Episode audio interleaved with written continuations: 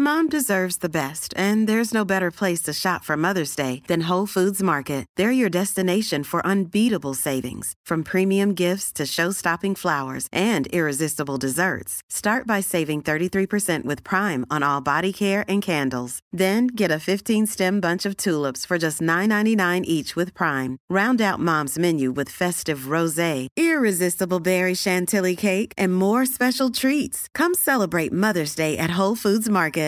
Ready to pop the question? The jewelers at BlueNile.com have got sparkle down to a science with beautiful lab grown diamonds worthy of your most brilliant moments. Their lab grown diamonds are independently graded and guaranteed identical to natural diamonds, and they're ready to ship to your door. Go to BlueNile.com and use promo code LISTEN to get $50 off your purchase of $500 or more. That's code LISTEN at BlueNile.com for $50 off. BlueNile.com code LISTEN. Systrarna Elvstrands hästpodd är producerad av Mediahouse by RF. Hej på er allihopa och varmt välkomna till systrarna Elfstrands hästpodd avsnitt 112. Välkomna, välkomna. Jag som pratar nu heter Emma. Och jag som pratar nu heter Anna och det här är ju podden om oss och våra tre hästar. Och vi gillar ju att snacka om allt som har med ridsporten att göra egentligen. Det gör vi, så det är den, det den här podden handlar om kort och gott. Och den här veckan Anna så har vi ju en liten kaotisk vecka med hästarna får man ju lugnt säga. Ja men alltså det känns som att eh, ett problem föder ett annat. Ja, alltså varför är det alltid så med hästar och det vet jag att det är jättemånga av våra hästintresserade kompisar som säger också att ja, men om man får typ en skadad häst, ja men då blir det fler och fler som är skadade och har man bra form, ja då är helt plötsligt alla i bra form. Alltså det är så konstigt. Ja och det är inte så att det är säkerställt att ja, men har du tre hästar, ja men om en blir skadad, men då har du ju två som du kan rida på. Mm. Nej, då, då skadar sig alla samtidigt. Precis. Nej, den enda som är fräsch just nu det är ju Tage. Gammelmannen. han är i fin form, eller så fin han. form han kan vara antar jag. Ja, för sin lilla ålder. Ja, men fokus, ja, han ska få åka in till veterinären idag faktiskt. Ja. Alltså igår om ni nu lyssnar på publiceringsdatum som är tisdagar. Mm. Och vi misstänker väl att han har fått en hovböld. Ja, det gör vi. För du red ju i fredags, det är ju några dagar sedan nu när vi spelade in. Då var han superfin. I lördags var det utritt, då var han också fin. Och sen helt plötsligt igår, alltså i söndags, då var han så jäkla knackig och ville liksom knappt gå framåt i hagen. Nej men alltså det roliga, nej det, det, alltså varför säger jag alltid det roliga var när det absolut inte ens är kul? Jag vet inte, det är en uh, ovana jag måste lägga av med. Mm. Men jag skulle hämta in honom för att jag följde med vår kompis Moa på tävling igår mm. och var hästskötare. Och innan det så skulle jag ta hand om fokus med hans sår och sådär. Och han är ju alltid sån så han kommer ju alltid glatt fram till en i hagen. Mm. Det spelar ingen roll om man inte ska hämta honom så bara tjena tjena kommer han med pigga skrittande steg. Eller om man precis har släppt ut honom. Ja, det spelar liksom ingen roll där. Nej men då gick jag in i hagen och bara fokus, kom då. Så här, och han bara stod och typ tittade på mig och så mm. började han gå lite långsamt och jag bara mm, det där ser inte så bra ut. Nej. Och så ledde jag in honom och det är som att han Eh, ni vet han tar ett lite halvsteg med vänster fram mm. medan han går normalt på höger fram. Ja. Och jag bara mhm. För att han kan ju bli lite svullen och halt av sina sår. Det har han blivit någon gång tidigare mm. nu när han har haft det här jävla muggbekymret. Mm. Det är kanske någonting som vi ska trycka på en merch Emma. Ja. för det har jag nog sagt otaliga gånger i den här podden nu. Mm. Men det kändes liksom som att det borde inte vara det för att såren ser ganska fin ut. Visst han är lite lite svullen men mm. inte farligt. Nej. Och det kom ju så extremt plötsligt med. Ja, precis. Så att eh, vi får se. Vi ska in till veterinären idag och förhoppningsvis får vi lite vidare svar. Mm. Men jag hoppas ju att det inte är något allvarligt men det känns som att det borde inte ha hunnit bli det så kort tid. Nej, jag ja, det känns ju som att det är logiskt att det borde vara en hovböld eller något sånt där. Mm. Men det är skönt att vi kunde åka in med honom akut, precis som vi fick göra med Bella för ett par veckor sedan. Ja. Det är väldigt tacksamt. Så nu den här veckan kommer det bli tre veterinärbesök för våra hästar. Ja, herregud. Mm. I, idag Fokus som ska in och kolla vad det nu är som är fel på honom. Imorgon ska Tage in och kolla tänderna, så det är inget allvarligt då, men han ska ju in och göra en liten tandkoll. Och sen återbesök för Bella på torsdag. Alltså jag känner bara hur ska vi liksom hinna med vårt jobb den här veckan när det är så mycket flängande hit och dit. Hur ska vi hinna med att leva? Ja exakt. Nej men det kommer väl lösa sig. I värsta fall får man ju bara ja, men, ta sitt förnuft till fånga och kanske inte lägga upp två videos på YouTube den här veckan till exempel. Nej vi får se lite hur det blir. Ja, vi tar det som det kommer helt enkelt.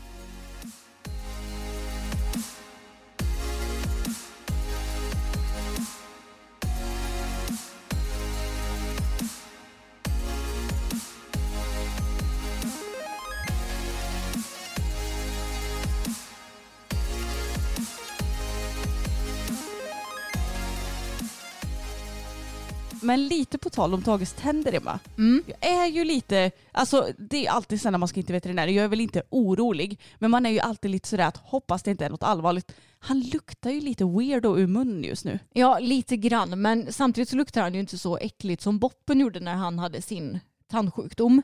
Så jag tror ju att det kanske är lite mm, foder som har packats på vissa ställen. Ja, jag gissar ju det. Så vi Mm. får se vad vår tandläkare säger imorgon. Hon, hon är ju så himla rolig Ja. att lyssna på när hon arbetar för att hon är ganska rätt fram Mm. men ändå med så här glimt i ögat. Så det är inte så att hon är dryg. Nej. För jag kan uppleva lite att människor som bara, jag är så himla rak, bara, ja men det kan vara lite drygt Mm. ibland. Men hon är sådär lite med glimten i ögat så det ska bli kul att se vad hon har att säga imorgon. Mm. Men eh, ja, hur är läget med dig annars då? Nu har vi pratat lite om våra skadade hästar här. Ja men alltså förutom att vi inte har något flyt med hästarna just nu så är det ju alltså, jättebra med mig personligen så det är ju ändå skönt. Mm. Hur är det med dig då? Jo men det är bra. Alltså som sagt, um, psykiskt tänkte jag säga är det väl kanske inte lika bra för att det tär ju mycket på en när hästarna inte är fräscha. Ja det Man det. går ju runt och tänker att åh stackars dem och det, nu är det annorlunda situation för Bella som får Mm. gå i lite sjukhage och nu står fokus på box lite tillfälligt eftersom vi ska Mm. åka in i, efter lunch här och han är lite missnöjd över det. Och, så man går ju så här och bara, åh men lilla gubben, alltså jag ville nästan gråta igår. Ja,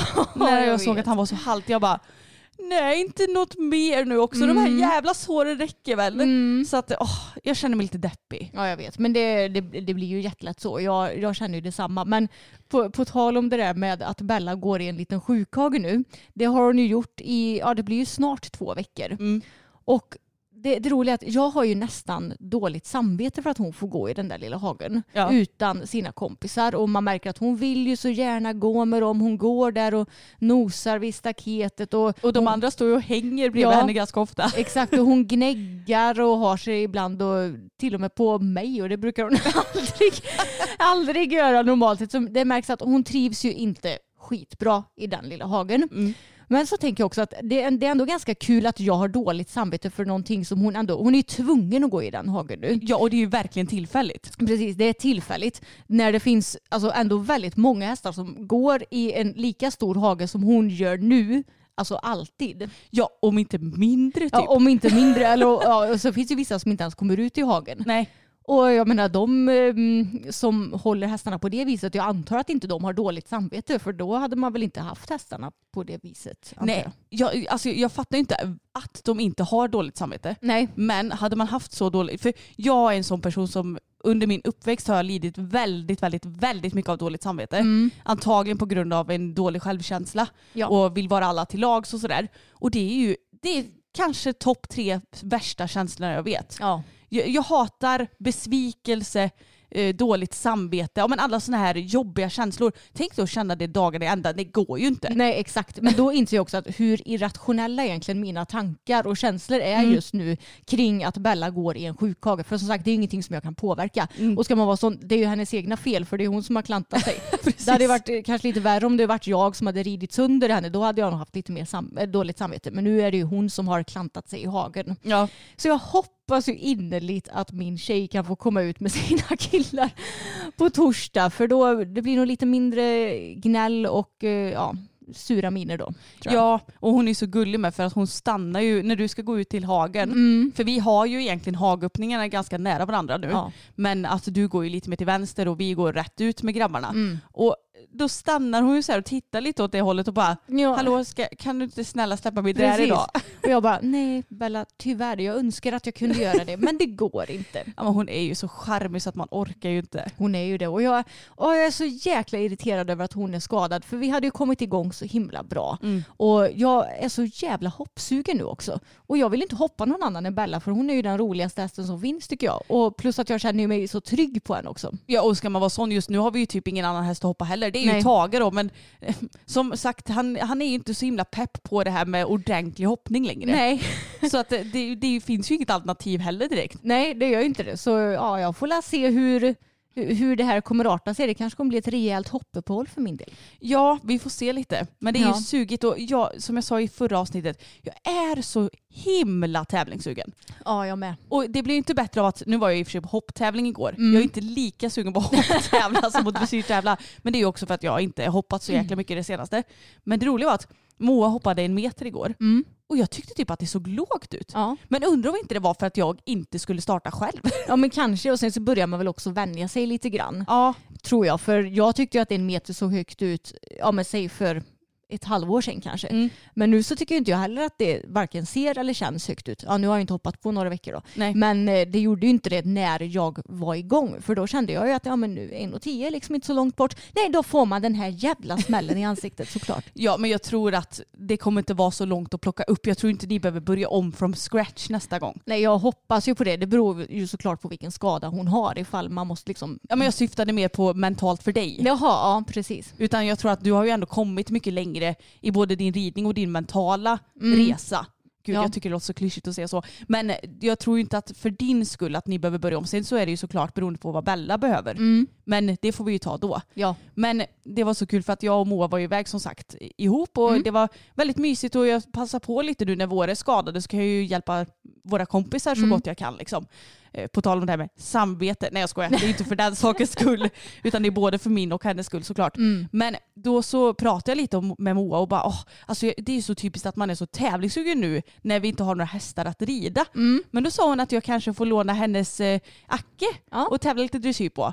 Och då blir du lite avis. ja, men det blir jag. jag. Jag vet ju om att Acke han är, ju, han är ju duktig i dressyr och han är stabil och han sköter sig på tävling. Så jag tror att om du tävlar honom så tror jag att du kommer få riktigt roligt får jag säga. Ja men det tror jag också. Men Mm. vi kan ju fråga Moa, vi kanske kan ta varsin tävling. Kanske. Ja, för vår klubb har ju ett division 3-lag i dressyr. Mm. Är det det som du har tänkt att du ska vara med på i så fall? Ja för hon sa att det, vi kunde nog vara någon mer person i laget och Mm. då, ja, man är ju gärna fulltalig Ja, såklart. ja, så exakt. att, eh, jag, jag sa att jag skulle bara kolla upp så att datumen funkar för mig. Men annars så sa hon att det bara var att låna. Ja. Och då ska jag kolla om inte jag kanske kan få låna honom på dressyrträningen på Mm. onsdag också. Ja, men det som är vara bra. imorgon för er som lyssnar nu. Mm. Eh, för att jag har ju en tid inbokad och jag känner att det, det ger liksom kanske inte skitmycket att ta med Tage och de andra två kan inte rida. Så att jag ska Mm. fråga om inte jag kan få låna Acke. Ja men det kan du säkert göra. Ja men det tror jag för att hon sa det sist. Men gud varför? För då hjälpte jag henne med båda hästarna. Mm. Och då sa hon, men varför är det inte du Acke? Det hade jag ju kunnat tänka på. Jag bara, nej men jag hade inte heller en tanke på det utan jag, för mig var det självklart att hjälpa Moa med sina Mm. hästar. Nej men så att det, då kanske det blir lite tävlingar men det blir Ja. ju först i maj då kanske. Ja men, men precis. då har jag ändå något kul att se fram emot. Ja exakt det har du ju. Och det är lätt B som division 3 går i va? Ja exakt, jag tror Mm. det är lätt B1 alla Okej. omgångar om jag inte minns Mm. helt fel. Och det, jag gillar ju ändå lätt B1 Mm. så att, eh, det ska bli jättekul och spännande. Och jag har inte ridit en annan häst än våra egna på tävling på evigheter. Det var ju typ när man gick på ridskolan eller? Ja, så jag måste ju nästan fundera nu på när tusan jag red någon annan än vår egna på tävling. Nej, alltså det var ju verkligen evigheternas evighet. Jag tror du red en klubbkompis häst typ i Gotakuppen någon gång. Ja, men det var ju Det är ju såhär 2010. 2010 typ ja. Alltså det är ju över tio år sedan. Ja det är helt galet. Tror inte jag har tävlat någon annan häst än våra egna sedan dess faktiskt. Nej, ja, vi får göra lite shout-out. Bor ni i Västergötlandsområdet och vill ha era hästar tävlade av systrarna Elfstrand, då är det bara att höra av er. Precis. Nej gud jag skojar. I fredags så var det ju första april. Yes. Blev du lurad? Nej, det blev jag inte. Alltså man är så alltså, van. Man, man tror att liksom allt som alla säger är ljug första april. Så man, Ja. är, man är garderad. Verkligen. Jag tror inte på något som folk säger den första april. Nej. typ. Men eh, vi hade ju kunnat eh, inom citationstecken luras lite Ja, i fredags. För att vi var nämligen och provred en liten hästhus. ja det var vi. Ja, och det är alltså inget aprilskämt utan vi Nej. gjorde det. Ja, vi gjorde det. Nu har jakten på vår nya stjärna börjat tydligen. Ja, alltså lite halvspontant. Ja, lite halvspontant. vi Ja. fick ett tips av en eh, följare Mm. som bara, ja men här hittar jag en fin häst, kan inte, eh, den verkar passa er sådär. Det var en dressyrstammad häst och eh, den stod ju inte, ja det var typ två timmar bort. Ja, det var ju en bit, bort. Men, Mm. men det, det var inte allt för långt bort i alla fall. Så jag Nej. bara, nej men jag kan nog inte låta bli att höra av mig till den här. Mm. Och den var kvar så att vi valde att åka och kolla på den. Mm. Och Alltså det är alltid lika spännande för nu har ju inte vi provridit hästar på liksom fyra år. Nej, och jag har ju typ inte ridit någon annan än våra egna hästar. Ja, när tusan var det? Det kanske var när vi gjorde hästbyten med våra kompisar Matilda och Julia typ. Eller? Ja men typ. ja. Och jag kanske har ridit eh, en klubbkompis eh, häst också någon gång. Men, Mm. men det är så här, det händer ju inte så himla Nej. ofta. Så att det är alltid så himla svårt när man ska sitta upp på något helt nytt. Man vet inte riktigt hur mycket stöd i handen den vill ha, hur mycket skänkel den behöver. Mm. Alltså jag tycker allt sånt är så svårt. Man har ju på något vis någon sorts grund som ryttare. Men det är alltid svårt att hitta det här finliret. Ja. Men jag tyckte ändå att det gick bra för oss båda. ja, men jag tyckte också det gick bra. Och vi båda, vi blev ju lite kära i den här hästen ska tilläggas. Ja, Och det var, hon var så söt, det var liksom ett fuxsto med bläs och jättesnäll och god. Alltså ja, vi blev kära och hon rörde sig så bra också. ja hon var jätte, jättetrevlig. Mm. Men eh, det fanns ju en anledning till varför vi tackade nej. Mm. Och jag vet inte, ska vi säga det eller inte? Vi kommer inte det gå ut vi- med vem det är liksom. Det kan vi ju säga. Ja, nej men eh, den här hästen gick och gnagde väldigt mycket på bettet. Ja, och gnisslade tänder lite. Alltså Ja. Man hörde det, ni vet där. Ja, det bara, Ja, precis. typ så. Mm. Och då kände jag bara, jag orkar inte ha en till häst Nej. som har lite munbekymmer. För Fokus han hänger ut med tungan. Mm. Och det är viss, jag ser ju det knappt som ett bekymmer. Mm. Men vissa domare kan ju göra det liksom. Precis. Och då känner jag att jag vill ju ändå ha en häst som vi kan tävla mestadels dressyr med men kanske någon hopptävling. Mm. Och då känner jag att jag orkar inte om den ska, för jag vet inte om det här var något tillfälligt, om eh, den kanske, man kanske hade behövt mixtra med betten, Mm. träns, alltså ni vet. Det Mm. kanske hade gått att fixa eller så. Ja. Men jag orkar inte ta den risken. Nej, det vet man ju inte. Det är ändå alltså, ganska mycket pengar som man ska lägga ut på en Mm. sån risk i så fall. Och den här hästen, alltså den rörde sig ju, jag tror inte man kommer få så bra gångarter för det priset igen. Men då kommer ju det kanske med lite andra bekymmer som den här gången så att den kanske hade lite orolig mun. Sen så var den också väldigt, väldigt grön för sin ålder. Mm. Eh, Den orkade ju inte hålla ihop sin kropp och den var väldigt svår att svänga. Mm. Eh, Men sånt tycker jag inte spelar så himla stor roll för det är ändå någonting som man kan bygga upp. Ja, och jag tror att vi hade haft väldigt kul med att utbilda den här hästen. Mm.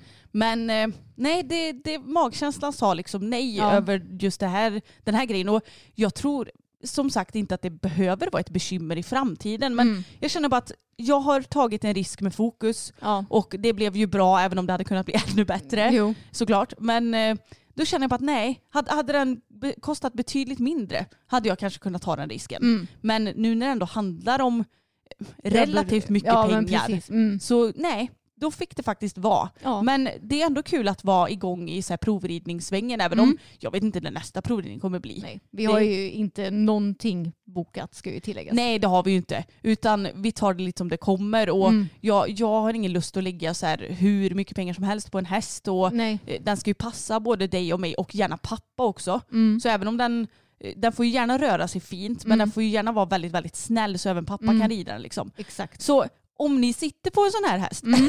då får ni ju hemskt gärna höra av er. Ja. För att vi är ju ändå lite intresserade av en ny stjärna i stallet. Ja. Och, ehm, den får ju gärna vara 1,70 minst. Mm. Eller okej, kanske inte En- för stor. Nej, men vi kan säga 1,68 då kanske tycker jag. Ja, exakt. Ja. ja. Och sen uppåt. och sen så, där får väl vara fyra, Mm. men gärna fem. Mm. Och inte mer än åtta skulle jag säga. Nej, jag håller med. Så, eh, och, Och stå eller vallack. Stå eller vallack, jag har Mm. ingen hingst. Nej. Och sen så spelar egentligen inte utbildningsnivå så himla mycket roll. Nej. Men det behöver ju vara en frisk och sund häst. Inriden, Ja, grundriden liksom. ja. Mm. och med fin, fina steg liksom. Ja, exakt. Ja, det är väl det egentligen som vi letar efter. Och sen, så, Och inga vita strumpor. Jag och sen får vi se vart det bär. Jag tycker det är så svårt för jag vet att ja, flera av våra hästar tidigare de har ju inte varit ute på hästnät. Utan Exakt. de har ju vi eh, ja, men liksom fått tag i dels i så här hästköpesannonser men också genom kontakter och kanske någon Facebook-annons och sådär. Ja, eller bara när vi åkte till tandläkaren. Alltså det är ju så himla Ja. random egentligen. exakt. Så eh, ni får ju gärna tipsa på om ni hittar bra annonser också såklart. Men jag vill ju gärna ha, alltså ibland blir man ju sugen på typ, ska man skaffa en PRE? Men samtidigt så är jag så här, det finns ju jättefina PRE men ofta så har de ju en ganska markbunden gång tycker jag. Mm. Jag vill ju gärna ha någon lite mer flashig men sen får den inte hålla på så här balanstrav och ha sig. Nej. Men vi vill ju ha något sorts varmblod. Liksom. Ja, exakt. Det Mm. får väl bli det den här gången också. Någon Ja. gång så vill jag äga någon annan ras, men Mm. inte, inte nu. Nej precis, men eh, ska man säga någon liksom maxprisklass? För det är lite så, annars kanske man skickar hästar för typ så här 300 000 och det har vi ju inte råd med. Nej, ja, men vad ska man säga för max då? 200? Ja, 150. 150? Ja, nå- ni vet någonstans där. Så det får inte vara för mycket. Liksom. Nej. Okej, men vi säger 150 för jag har fan inte lust att lägga mer. Det är så dyrt med hästar och det blir ju Mm. bara dyrare. Det blir ju det. Men då har ni lite koll på vad vi letar efter. Och släng iväg ett DM eller ett mail ifall ni har någon häst som skulle kunna passa. Som sagt, den får ju gärna liksom vara trygg så att man kan hoppa på den också. Sen så mm. behöver den inte ha, absolut inte ha kapacitet för större klasser men så att man kanske kan tävla lite låga klasser också så småningom. Ja men precis för vi gillar ju verkligen variation. Mm. Så att eh, Ja, men det, det, blir spännande att se om våra någon följare kanske har någon häst till salu. Vi vet ju inte. Nej, för vi har ju ändå kikat en del på hästet. Jag har ju så ställt in ja, men pris och ålder och mankhöjd och allt vad det nu är så att det ändå ska passa. Så vi har ju ändå ganska bra koll på eh, ja, men hästarna på Hästnet i den prisklassen så länge det inte kommit ut något nytt. Liksom. Eh, och det är klart att det ligger ju ute en del eh, och kanske vissa som är intressanta att höra av sig på och kanske prova. Men mm. Ja, jag vet inte, ingenting som kanske man har sagt som har sagt liksom wow. Eller, Nej vi har inte tagit tag i någonting Nej, i alla fall. Exakt. Men det roliga är att det ligger ju en häst ute som har värsta drömstammen som jag mm. hemskt gärna hade velat höra av mig på. Mm. Men den har inget pris. Och då står det så här, för, för den hästen hade typ lite sadel... Nej, den hade lite bekymmer vid uppsittning, var det va? Mm. Uh, så På att, grund av trauman ja, sen den var ung stod det va? Ja, att den hade typ blivit för hafsigt inriden eller ja. något sånt där. Och då är jag så här, sådana här grejer det, det skiter jag i. För det, vi har ju Anna som är svinduktig mm. och jag känner att jag har nog ganska mycket kunskap också efter fokus, alla mm. bekymmer. Så att sådana där grejer bekymrar mig inte så mycket. Men det står inget pris. Mm. Och då blir jag så här, ska jag ringa på den här hästen och så kanske det, för det, det står att det var ja, men typ ett bra pris på grund av det. Mm. Men vad är ett bra pris då? Ja. På en häst som, för den var ju ändå så här, den kunde väl göra byten och grejer tror jag. Ja jag tror det. Ja och så jättefin stam. Mm. Väldigt fin häst såg det ut som. Nu har jag inte sett film men den såg Nej. väldigt trevlig ut liksom mm. på exteriör och sånt där. Ja, vad är billigt för det då? Ja. Är det så här 300 000 hade egentligen kostat en halv miljon? Alltså, mm. Jag har ju ingen uppfattning om sånt. Nej. Att, ja, men det är som när vi gissar priset på hästar på YouTube. Mm. Ibland så är det ju så här helt orimligt jättedyrt känns det som och ibland mm. är det orimligt jättelågt. Så att, oh, jag kan ju inte bara ringa upp och bara, vad är priset på den här? Ja men alltså det, de får ju skylla sig själva att de inte har skrivit ut priset. Ja, för då får sant. de ju sådana frågor. Så det tycker jag egentligen absolut att du kan göra. Men jag blir så trött på de här som inte sätter pris på hästarna. Ja jag vet. Alltså vad fasen, det, det är ju inte så att jag säljer en tröja och bara, pris vid förfrågan. Nej exakt. Alltså det är klart att man vill veta vad det kostar så att man vet om det är inom ens budget. Ja och speciellt när man lägger ut på, ja, men på Hästnet som ju ändå mm. är en till salu-sida. Det är ju skillnad kanske om det är så här köper häst via kontakter typ och i den absoluta toppsporten för där är det väl lite mer bud och sådär kan jag tänka mig. Ja exakt. Mm. Men jag tycker också att det är så här Ja, men jag, jag förstår bara inte grejen för du vill ju veta vad en sak kostar, eller du, mm. sak, ett djur kostar. Ja. Jag tycker det är helt orimligt ja, faktiskt. Ja, jag tycker också det. Men vi får se. Nu är jag ändå taggad på att kanske hitta någon framtida häst. För det, nu är ju vintern över, då blir man ju lite mer sugen på... Det är ju just det. Mm. Alltså, det är så roligt med oss. Vi bara, nej vi ska inte ha någon mer, nej vi ska Ja, kanske. Ja. kanske. Oh, jo, nu ska vi ha en till. Alltså, det, den övergången har gått väldigt fort. Det har den gjort. Och pappa hängde ju med oss också för han var ledig i fredags. Så han fick också hänga med och kika på hästen och sådär. Och, och det, han tyckte också om hästen. Han tyckte också om den väldigt mm. mycket, ska tilläggas. Men det är alltid lika roligt att eh, ja, men, åka bil med pappa och prata med honom. För han, eh, han har ju också sina små åsikter om våra hästar och han tycker ju att våra hästar de är ju bäst i världen enligt honom. ja. Och jag vet inte om pappa tycker att vi håller på och gnäller väldigt mycket på våra hästar Anna. kanske. Mm, för uh, han tycker kanske specifikt att du gnäller mycket på fokus. Men mm. det känns som att nu det senaste så har du ju bara gnällt på såren. Ja exakt. Nu har jag faktiskt inte gnällt på något annat än de där förbannade såren. Nej och kanske att eh, han inte är så bjussig på tävling då. Det ja. kan du ju vara lite gnällig om ibland. Men det är ju väldigt sällan som du gnäller på honom liksom i hemmaridningen numera. Nej nu tycker jag ändå att eh, nu börjar vi ju komma överens jag och Fokus. Mm. Efter fyra år. Exakt. Men pappa han håller tydligen inte med. För han sa, eh, på tal om dig och Fokus då, du håller ju på och gnäller på honom hela tiden. Han är ju bäst. Så pappa tycker att fokus är bäst. Ja men alltså så gulligt. Men jag tror att det gärna blir lite så när man har sina egna hästar, kanske inte hanterar eller rider så mycket andras hästar. Då, då blir man ju, alltså man blir ju lite gnällig över det man har. Eller hur? Kan inte du uppleva det också? Jo, för att eh, ja, men det är lite samma som typ när du rider Bella kanske någon gång ibland. Mm. Och jag kan ha gnällt att ja, hon var lite jobbig i kontakten till bettet och hon är lite si och så. Och så sitter du och rider och det går jättebra. Ja och jag bara, men hallå hon har ju blivit tre biljoner gånger ja. bättre sen jag redan är sist typ. Precis, och man blir så blind på sin egna hästar när det kommer till just det här. Ja men det är ju också typiskt oss människor att vi vill ju hela tiden se utveckling. Mm. Vi är ju aldrig nöjda. Nej. Det, det, är ju vi av naturen och det mm. är ju så för att vi ska utvecklas antar jag. Ja. Och då blir det gärna att man så här snöar in sig på irriterande små detaljer som mm. Hade jag varit objektiv och ridit någon helt annan häst så hade jag bara men wow den här är ju jättetrevlig. Ja, exakt. Och samtidigt så kan det ju vara tvärtom också när man, nu, nu var ju den här hästen vi provred jättetrevlig, både mm. lugn och snäll i hanteringen mm. och ändå trevlig att rida trots att hon var väldigt grön. Liksom. Men ibland så kan man ju ändå hantera hästar som man bara, men herregud vilken jobbig häst. Mm. Fokus är mycket lugnare. Eller Bella hon går ju åtminstone inte på mig med bogen. Eller, du vet, då kan man ju jämföra det åt det bättre hållet också. Ja. Väldigt många gånger. Mm. Så att eh, det är intressant när man väl hanterar andras hästar. Då det lite tankar om att ja, men min häst är nog inte så dum trots allt. Nej, Nej men, men herregud, nu låter det som att vi klankar ner på våra hästar. Nej. Men jag tror att många känner igen sig i det här. Jag tänkte att du tycker nog inte att jag klankar ner så mycket på Bella utan du tycker ju snarare att jag romantiserar henne. Eh, kanske inte så mycket just nu men som hon var när vi köpte henne. Ja. För vi köpte henne när hon var fem år. Då hade hon startat 1,10 och Bella är ganska sent tagen. Jag tror hon blev inriden när hon var ja, men typ tre och ett halvt, fyra. Ja. Så det är ju något år senare än vad de flesta hästar brukar ridas in. Men alltså trots det så hennes utveckling måste ha gått snabbt. För jag, alltså mitt minne, det är ju när, när jag köpte henne att hon var liksom väldigt balanserad och liksom stabil och härlig att rida trots sin unga ålder och trots att hon inte var ja, men lika stark i kroppen som hon är idag. Men du håller ju inte med om det Anna. Nej men alltså hon har ju alltid känts stadig att sitta på. Jo. Hon, det är inte så att man har suttit på henne och bara åh gud det känns som att jag ska trilla av från den här så obalanserad. Nej. Det är inte det jag menar. Mm. Men du glömmer liksom bort att hon gled in typ två meter in mot mitten hela tiden i början.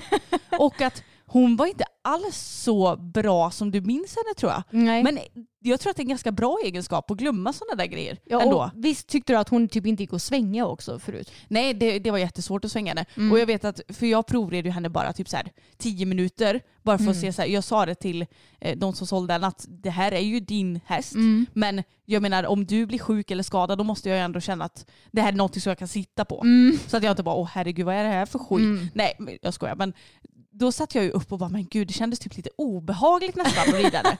Men å andra sidan så är ju inte jag ett fan av att sitta upp på helt nya hästar för att Nej. vi gör ju det så sällan. Mm. Men du har verkligen lagt på ett glitterfilter på, dina, på din hjärna tror jag. Ja men jag tror det när det kommer till Belsan.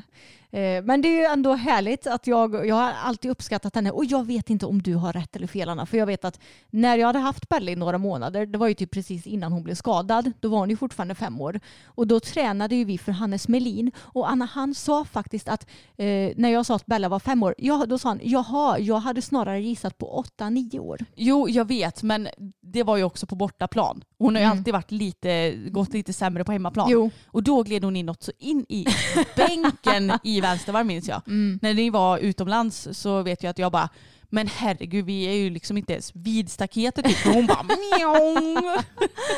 Ja, jag älskar ju min lilla tjej så jag hoppas att hon kommer igång snart igen. Men alltså hon har ju blivit så jävla, hon är ju så sjukt mycket starkare nu mot vad hon var när hon var ung. Oh ja. Mycket lättare att liksom svänga, att hålla på plats också för den delen. Och nej men alltså hon är, hon är ju så sjukt rolig att rida. Och jag jämför ju alla hästar som jag provrider med henne och för mig så är ju Bella den ultimata hästen för att hon är ju liksom min stjärna. Ja och jag menar när du skulle köpa Bella så eh, alltså, jämförde du ju alla med Boppen. Ja. Det är ju höga krav egentligen vi har men, men jag, man ska ju ha det. Mm. Jag menar vi ska ju ha de här hästarna hela deras liv. Det är också lite kul, på tal om det här. För att jag eh, skickade ju den här länken till den här hästen till pappa och bara mm. jag har hittat en häst eh, som vi...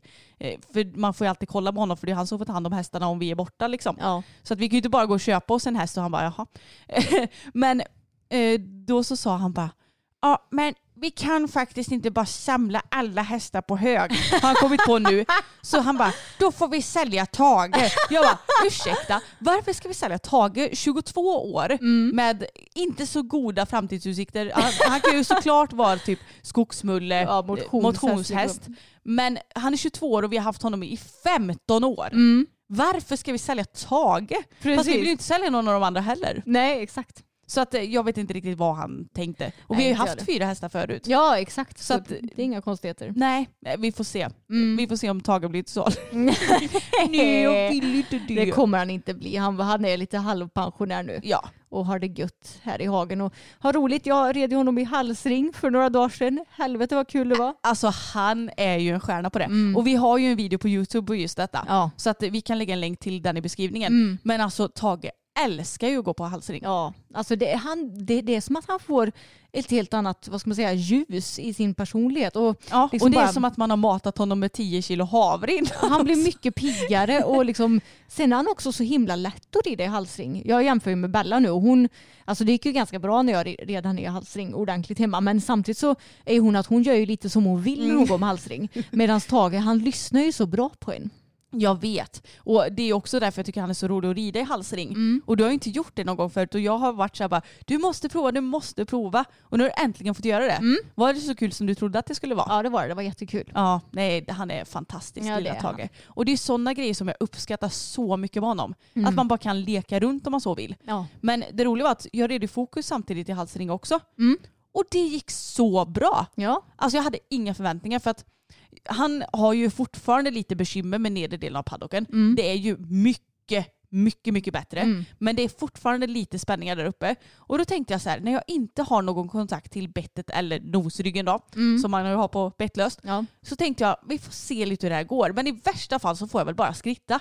Men alltså vi galopperade, vi gjorde ett rent galoppombyte. Ja, som vi tyvärr inte fick film på. Nej, det var ju typiskt. Vi fick bara orena på film. Ja. Men han gjorde dem ju ändå väldigt odramatiskt mm. trots att jag inte hade någon kontakt med honom. Och vi hoppade även ett pyttelitet eh, hinder. Alltså det här var ju eh, så lekfullt bara. Jag ska mm. ju egentligen inte hoppa så jättemycket men vi hade inga skydd och Nej. han lyckades inte trampa sig.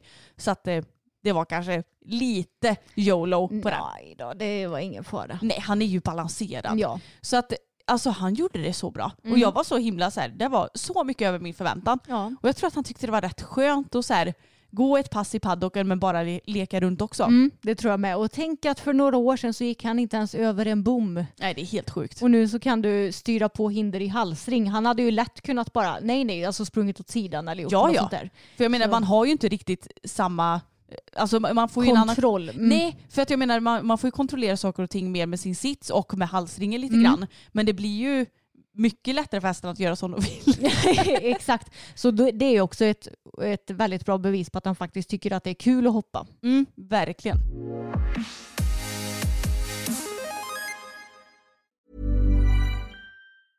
I'm Sandra and I'm just the professional your small business was looking for. But you didn't hire me because you didn't use LinkedIn jobs. LinkedIn has professionals you can't find anywhere else, including those who aren't actively looking for a new job but might be open to the perfect role, like me. In a given month, over 70% of LinkedIn users don't visit other leading job sites. So if you're not looking on LinkedIn, you'll miss out on great candidates like Sandra. Start hiring professionals like a professional. Post your free job on linkedin.com/people today. There's never been a faster or easier way to start your weight loss journey than with PlushCare. PlushCare accepts most insurance plans and gives you online access to board-certified physicians who can prescribe FDA-approved weight loss medications like Wigovi and Zepbound for those who qualify. Take charge of your health and speak with a board-certified physician about a weight loss plan that's right for you. Get started today at plushcare.com slash weight loss. That's plushcare.com slash weight loss. plushcare.com slash weight loss. Nu har jag ju fyllt 29 år mm. och vi alla vet ju vad som händer när man fyller 29. Ja, så vet vi. Det är dags för cellprov igen. Ja, just det.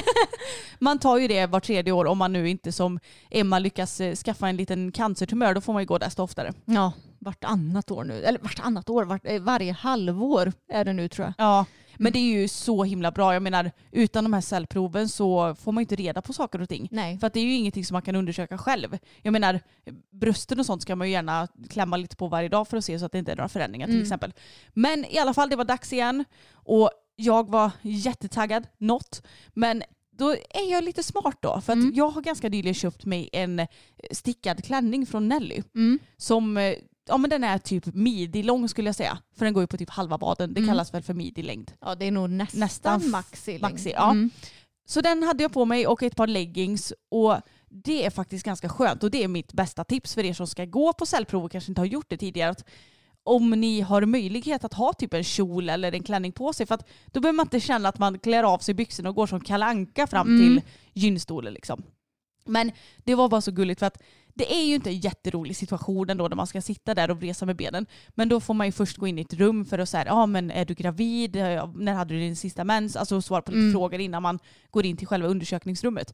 Och då när jag satte mig där så säger barnmorskan, men herregud vilken fin klänning du har. Mm. Då älskade hon min stickade klänning. Mm. Och jag tyckte bara det var så gulligt och det kändes som att så här, vilken tur att jag fick en så bra barnmorska för att jag vet att många kan ju vara lite lite sura, lite så här, ja ah, det här är bara ett jobb typ. Mm. Men hon hade verkligen det här sociala med sig så att det kändes inte lika jobbigt. Nej.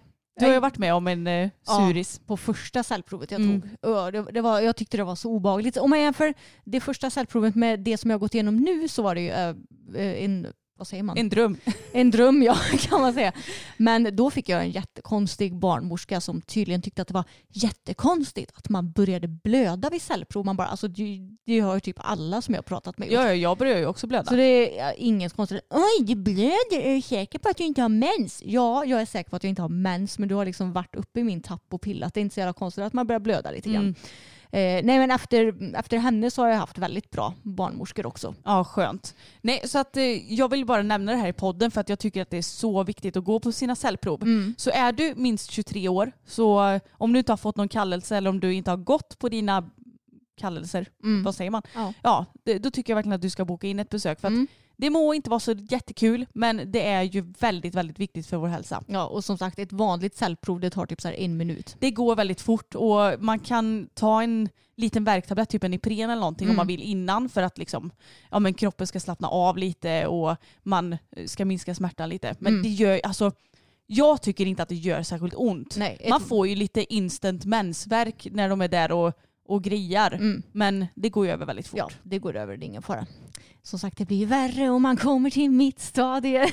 ja och det är ju asjobbigt men mm. samtidigt om de inte hade hittat det på dig då, ja. då hade det ju kanske gått ja, väldigt alltså, mycket värre. Det är bara att göra. Man klarar ju av mer än vad man tror. Det är bara att fokusera och andas och försöka liksom tänka på något annat även om det inte är kul. Och jag har ju redan lite ångest för jag tror ju att det är relativt snart som jag ska tillbaks mm. igen. För jag var inne i höstas så det borde ju vara Eh, rent logiskt någon gång nu i april, möjligtvis början av maj. Och jag ser inte fram emot det. Eh, för det tar ju också mycket längre tid det jag gör än ett vanligt cellprov. Men ja, det är som sagt bara att bita i det sura äpplet och göra det. Ja och det värsta är ju typ att boka själva tiden. Oftast tycker jag att det är så i alla fall. Man bara, ah, jag har inte tandläkarskräck till exempel, men det är så här bara, åh, måste boka tandläkartid. Mm. Det är mm. sånt som jag tycker är nästan jobbigast att ta tag i. Ja, jag behöver inte ta tag i någonting. Nej, nej men så är det ju. Man blir ju kallad mm. till cellprov. Men har man typ missat eller avbokat eller någonting så får man ju ta tag i det själv. Ja, liksom. just det. Mm. Det släpptes en krönika i tidningen Ridsport för ett par veckor sedan. Det var innan vårt förra poddavsnitt men jag hade helt missat den.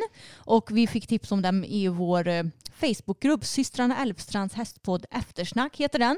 Så in och bli medlemmar i den gruppen om ni vill diskutera poddavsnittet eh, vidare helt enkelt. Ja, det finns en länk i beskrivningen till podden så mm. hittar ni det på en gång. Det finns det och då eh, var det en tjej som hade ja, men, eh, lagt in en länk till den här krönikan där.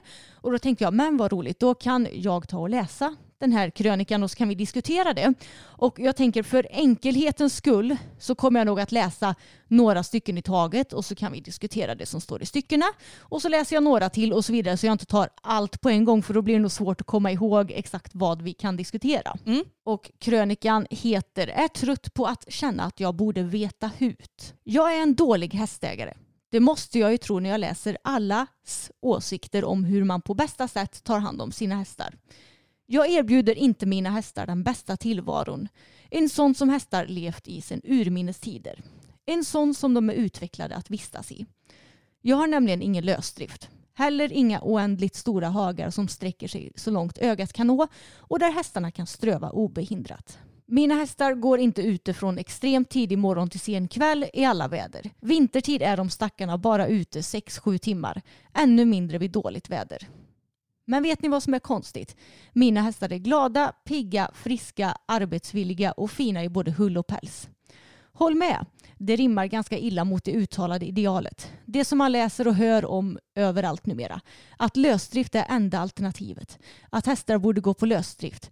Att allt annat är förkastligt. Okej, då har vi ännu en sån person tänkte jag säga. Nej, men det, jag tycker det är lite roligt det hon säger att, eh, att allt annat är förkastligt än lösdrift. Mm. Och det, jag, jag kan ju inte uttala mig för alla artiklar och allas åsikter. Mm. Men det håller ju inte jag med om personligen. Och jag undrar, alltså, vem är det som har sagt det? För jag har inte sett någonstans att någon har sagt att lösdrift är det enda alternativet. Inte jag heller. Och det påstår inte ens du och jag tänkte jag säga som älskar vår lösdrift. Nej men jag tycker det, det är så roligt tycker jag med folk som har, ja, men hon hade ute sina hästar väldigt lite och sen så stod det att de gick själva. Så långt har vi nog inte kommit nej, än okej, i alla men, fall. okej, men de är ute 6-7 timmar då på vintern. Ja, och ännu mindre vid dåligt väder. Ja precis och ännu mindre vid dåligt väder. Och jag tycker att det som är så roligt med folk som har den här typen av hästhållning det är att de alltid ska jämföra, alltså att det ska gå till det extrema. Det Mm. finns liksom ingenting mellan svart och vitt. Exakt. Ja, alltså jag har ju aldrig hört att någon tycker att allt annat är förkastligt i alla fall. Nej, inte jag Så heller. det tror jag är någonting som krönikören har hittat på själv. Ja, eller bara hittat någon artikel som vi har missat i så fall. Ja, men då är det nog ett undantag tror jag. Mm. Men jag fortsätter att läsa. Men nu är jag trött på att behöva behäftas med skuld. Att överallt ifrån överösas med dåligt samvete. Känna att jag borde veta hut och inte skulle ha hästar om jag nu inte kan erbjuda dem naturliga förhållanden. Nu ska ni inte tro att jag är emot lösdrift. Samtliga mina hästar gick på lösdrift från att de vänjdes av till att det var dags för inridning. De har fått växa upp i en flock, lära sig ett socialt beteende, blivit smidiga och starka. Men sen har de fått komma hem och blivit domesticerade. Med boxvistelse och utevistelse i betydligt, inom parentes vintertid, mindre hagar. Och jag tycker inte det är fel. Jag vägrar ha dåligt samvete. Hästarna får sin stimulans i det dagliga arbetet och kan vila och koppla av i rena sköna boxar när det blir mörkt. Nyttan med lösdrift borde värderas ur flera aspekter. Den ridhäst vi hade för 50 år sedan är inte samma typ av häst vi har idag. Långt ifrån alla hästar trivs med att gå ute dygnet runt. Jag kan bara titta på min egen lilla flock. Där är en som nog skulle gillat lösdrift men också en som verkligen skulle avsky det. Ja men då har vi återigen ett sånt här eh, exempel där det är väldigt bra med lösdrift när de vant av sig från mamman fram till att de ska ridas in. Men sen så ska de helt plötsligt eh, ja, men byta, ja, men byta hästhållning. Ja precis och det är ju ofta tycker jag också samma med tävlingshästar. Att de kanske går på lösdrift ja, men från att de är unghästar tills att de ska ja, ridas in eller vad man ska säga och sen så får de gå på lösdrift igen när de är klara med själva tävlingslivet. Mm, exakt. Och då tänker jag att om, eh, om det nu är alltså så bra att ha hästen på ett inom stationstecken tävlingsmässigt sätt eh, att hålla hästen på, då borde den väl göra det också även när den inte ska prestera. Det är precis det jag tänker också. Jag har absolut ingenting emot box. Nej. Men det som jag ifrågasätter är ju varför det bara, om sådana här personer i alla fall, har sin hästar på lösdrift när de är unga och pensionerade, men inte däremellan. För att då borde ju antingen box vara okej. Sen är det så här också, vi har ju också bytt sätt. Så det, jag ska inte säga att det är helt dumt heller för att vi har ju haft våra hästar på box tidigare och nu går de på lösdrift. Och köper vi en ny häst och det visar sig att den trivs på box, ja men då, då får väl den stå på box då. Alltså, jag vet inte vart jag ska komma riktigt men jag tycker bara att det är så konstigt att man gör olika beroende på i vilken fas hästen är i livet. Även om det kanske delvis är livets gång ibland också. Jag vet inte. Alltså det jag tycker är roligt med det hon skriver det är att hon skriver men sen har de fått komma hem och bli domesticerade. Ja. Alltså en häst, en häst, alla våra hästar är ju domesticerade för de är inga vilda hästar för det första. Mm. Men de kan ju fortfarande vara domesticerade fastän att de går i lösdrift och i flock. Ja. Det har ju ingenting med det att göra så jag tycker det är jättekonstigt skrivet. ja, det har ju inte med första. boxen att göra. Nej, precis. Och hästarna får sin stimulans i det dagliga arbetet och kan vila och koppla av ja, men, i boxarna när det blir mörkt. Och som vi har sagt så många gånger, alltså hästar sover inte och vilar på samma sätt som vi människor. Nej. De sprider ut vilan över dygnet och kanske vilar eh, någon halvtimme här, någon halvtimme där. Det spelar ingen roll om det är mörkt eller inte. Och ja, men det som är mest naturligt för dem det är ju att kunna välja eh, över hela dygnet när de ska vila, när de ska röra på sig, när de ska äta och det är därför som vi gillar lösdrifter. Så, och bara för att hästarna idag är en annan typ av häst än för 50 år sedan så har ju inte hästarnas grundläggande behov förändrats heller. Nej, exakt. Och sen så skriver hon också att om hon tittar på sin flock är det nog en som hade gillat lösdrift. Ja men det vet hon ju inte för hon har väl uppenbarligen inte provat. Nej, alltså nu kan vi ju bara gissa ja. vad, vad som gäller. Men... Ja men då jag tänker att det är också en vanesak. Mm att eh, många hästar kanske skulle tycka att det var lite ja, men konstigt att inte få komma in på kvällen om de är vana vid det. Men de vänjer sig vid det ganska snabbt. I alla fall så har alla våra gjort det. Ja, och jag menar i början så står de kanske och kikar vid grinden vid intagningsdags och bara hallå, mm. ni har liksom glömt mig. Men sen så inser de att ja, men det kommer ingen att hämta mig. Nej men då går de iväg. Nej precis. Så jag tycker det här är väldigt konstiga och dåliga argument av krönikören varför man inte ska ha hästar på lösdrift. Mm. Så det är inte så alltså, förtroendeingivande skrivet tycker jag. Då kommer vi till nästa del av krönikan. Ibland känns det som att lösdrift blivit ett mantra. Men allt för ofta har det snarare blivit en förvaringsplats och ett sätt att slippa rida för hästen är ju ute och kan röra sig som den vill. En annan bekvämlighetsaspekt är att det ska vara mindre arbetskrävande med lösdrift. För att en lösdrift ska vara bra ska den ha torrt, rent liggunderlag, marken vid ingången ska vara hårdgjord och resten av hagen bra underlag. Och det ska mockas regelbundet. Är det verkligen så hos alla ivrare av lösdrift? Att se hästar vada omkring i gödselblandad sörja i en lösdrift eller hästar som i regn, vind och mörker står och hänger i små hagar, inom parentes, för att hästar ska vara ute. Det är inte god hästhållning. Och det var den artikeln. Ja men alltså det här provocerar ju mig lite också. för att det är ju i och för sig som hon säger att vissa som har lösdrift, ja men de skiter ju i och mm. de skiter i att mocka och de tar kanske inte så väl hand om sin lösdrift. Mm. Men, eller sina ligghallar då. Mm. Men alltså du och jag som är väldigt noggranna med det här med att mocka. Vi mockar alla hårdytor som mm. är kring matplatsen. Mm. Vi tar hand om allting. Vi mockar lösdriften. Mm. Det är inte så att vi har lösdrift för att det är mindre arbete för det är fan mer arbete. Ja alltså det är snarare tvärtom. Det är mycket jobbigare för oss att mocka lösdriften och kring höet än vad det hade varit att mocka boxarna i stallet. Ja det hade gått mycket fortare. Det hade gått väldigt mycket fortare. Det hade varit mycket mindre tungt. Men nu har vi valt att ha lösdrift för att vi, ja, men, vi tycker att det passar våra hästar bra. Vi vill att de ska gå ute mycket. Det enda som är bekvämare för oss det är att vi slipper ta ut och in hästarna ja, på kvällen och morgonen. Precis, det, så är det ju verkligen. Och det är ju det, den enda bekvämlighetsaspekten i det här. Och det får jag säga att det är väldigt skönt för vi har ju haft hästar på box också här. Och då var jag ju tvungen att vara här varje kväll och varje morgon och jag fick aldrig liksom sovmorgon utan jag var tvungen att släppa in och ut dem hela tiden.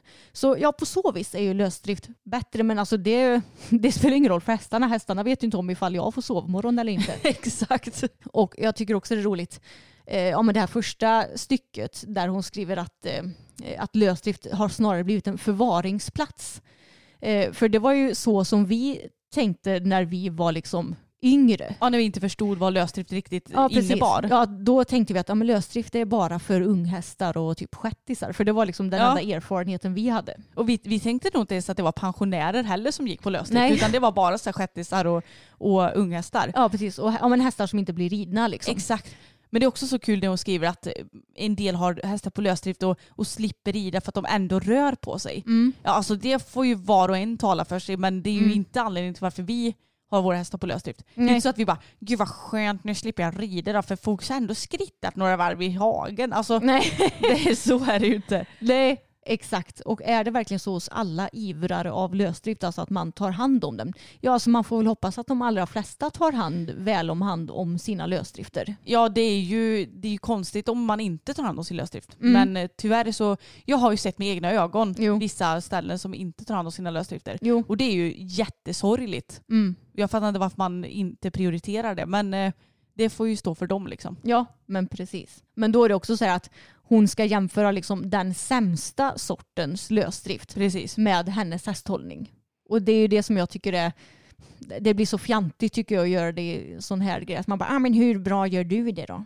Bara för att man ska försöka eh, försvara det man själv ja, sysslar med. Lite precis. Mm. Och det tycker jag är konstigt. Man får väl ändå jämföra en bra lösdrift med det som alltså, sättet som hon håller sina hästar på antar jag. Eller det tycker jag i alla fall. Ja, men jag tycker det också. Och jag tror ju snarare att det är ett större problem att ja, men hästar som står på box och nu på vintern så går ju många ute i bara små rasthagar och de är ju ofta väldigt leriga. Mm. Jag tror ju snarare att det är ett större bekymmer än generellt då än att lösdrifter är dåligt omhändertagna. För lösdrifter har ju ofta stora hagar som kanske inte blir lika leriga och sådär. Nej, och sen finns det ju förvisso de som verkligen hårdgör sina hagar så att det inte blir så lerigt. Men då Ja. ska man ju göra det också. Mm. Och jag tänker också, det är lite lustigt det hon nämner att ja, men mina hästar får komma in i rena torra boxar. Mm. Ja men hur länge är de det då? Om de står på box i Mm. eh, 18 timmar, Ja, då är precis. den ju inte plötsligt så ren. Nej. Sen kan det ju hända att eh, den här personen mockar boxen en gång